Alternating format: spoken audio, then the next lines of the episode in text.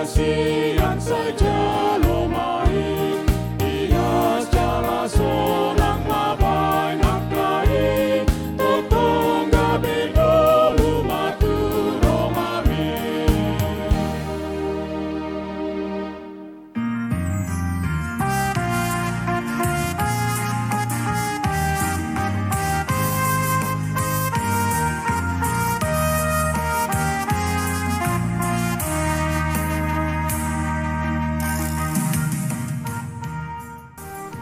Renungan Harian HKBP Rawamangun Ikutlah Aku Kamis 28 Desember 2023 dengan judul Perkataanmu menunjukkan kualitasmu.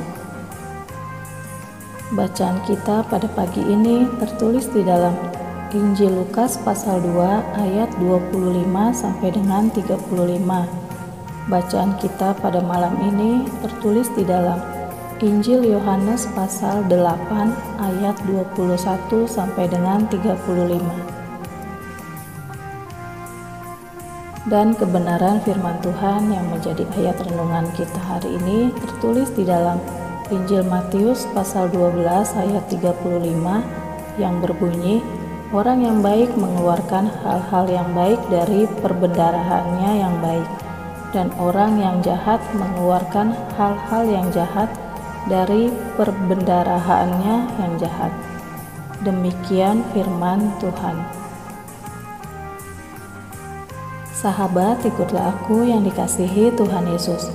Mungkin kita semua pernah merasa dibohongi, atau sebaliknya, Anda membohongi orang lain. Pada umumnya, kita tidak suka dengan orang yang dusta bibirnya, karena orang yang dusta bibirnya dipenuhi dengan kata-kata kebohongan.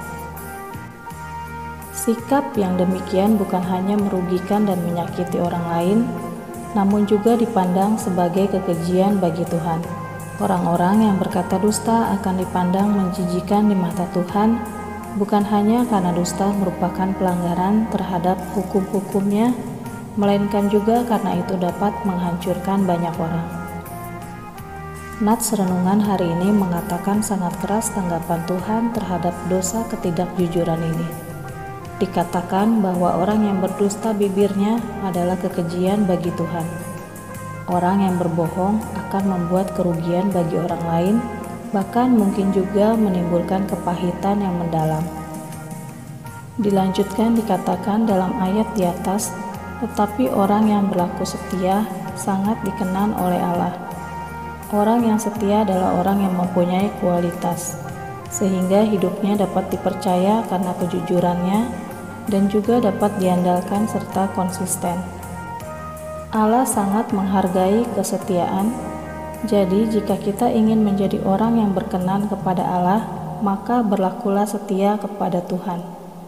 Mulailah dengan mendisiplinkan diri untuk berkata jujur dalam setiap perkataan, pergaulan, maupun dalam tindakan kita, agar dengan cara demikian kita mampu mengajarkan kepada anak-anak kita untuk selalu berkata jujur.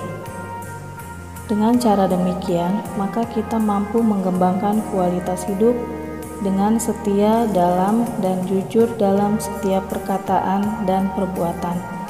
Amin. Marilah kita berdoa. Ya Tuhan, kuasailah hidup kami dengan roh kudusmu, agar kami tetap setia kepadamu. Amin.